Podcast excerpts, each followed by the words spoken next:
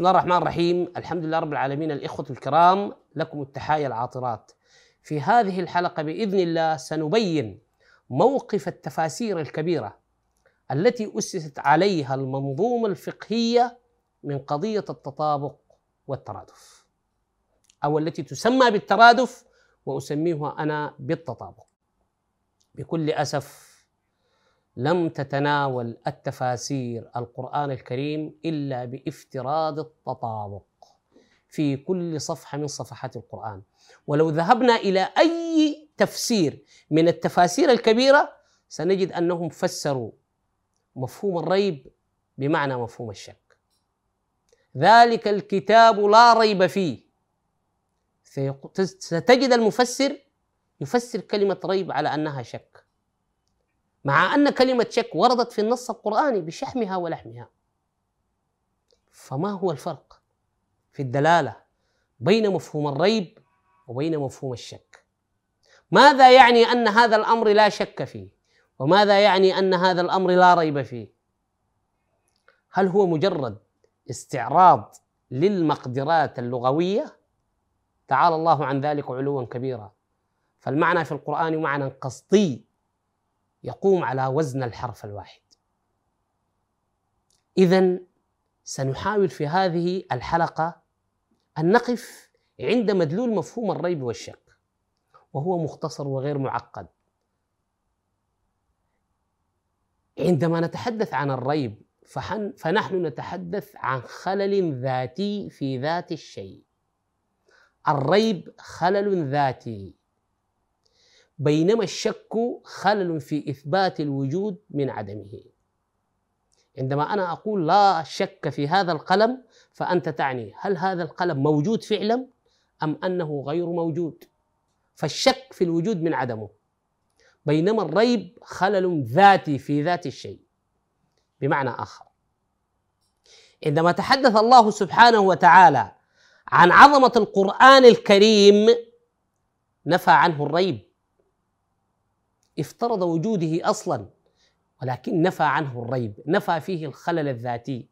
قال تعالى ذلك الكتاب لا ريب فيه. بمعنى إذا تفحصت الخطاب والسياق الفيه لا تجد فيه خلل.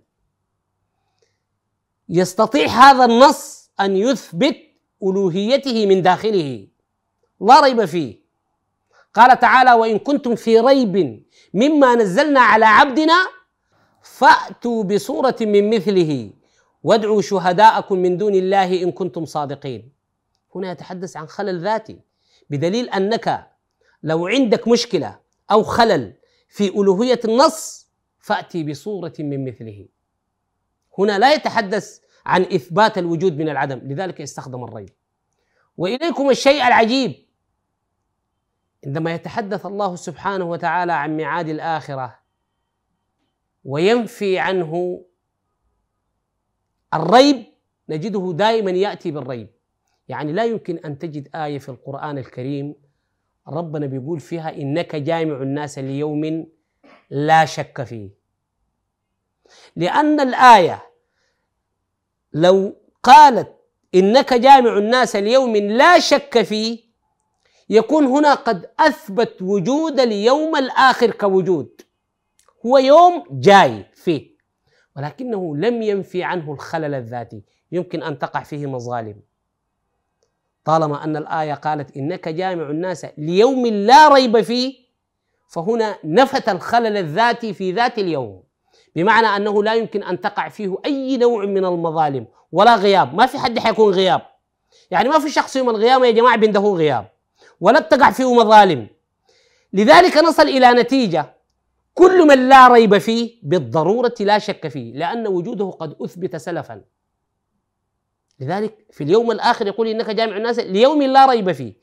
طالما أنه لا ريب فيه تلقائيا لا شك فيه. ما لا ريب فيه يتضمن عدم الشك. إذا مفهوم الريب هو أوسع من مفهوم الشك. إذا لنرى كيف جاءت كلمة شك وهي تتحدث عن إثبات الوجود من العدم.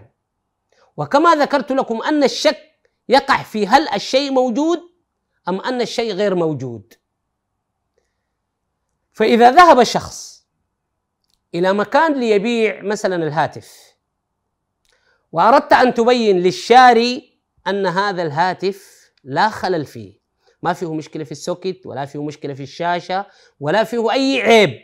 فأنك تقول هذا الهاتف لا ريب فيه. أنت تنفي عن الهاتف الخلل الذاتي.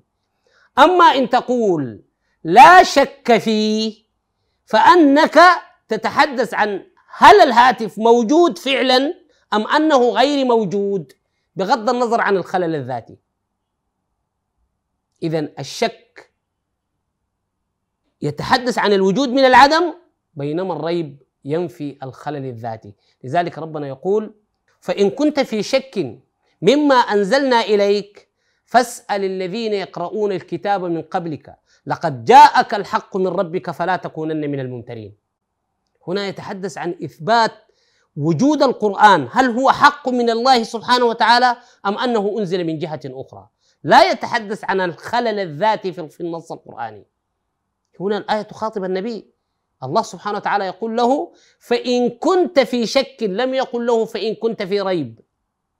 لو قال له إن كنت في ريب هنا يطلب منه أن يتفحص النص نفسه. إنما هنا يتحدث أو يخاطبه في إثبات وجود النص القرآني كحق منزل من الله سبحانه وتعالى. فإن كنت في شك مما أنزلنا إليك فاسأل الذين يقرؤون الكتاب من قبلك.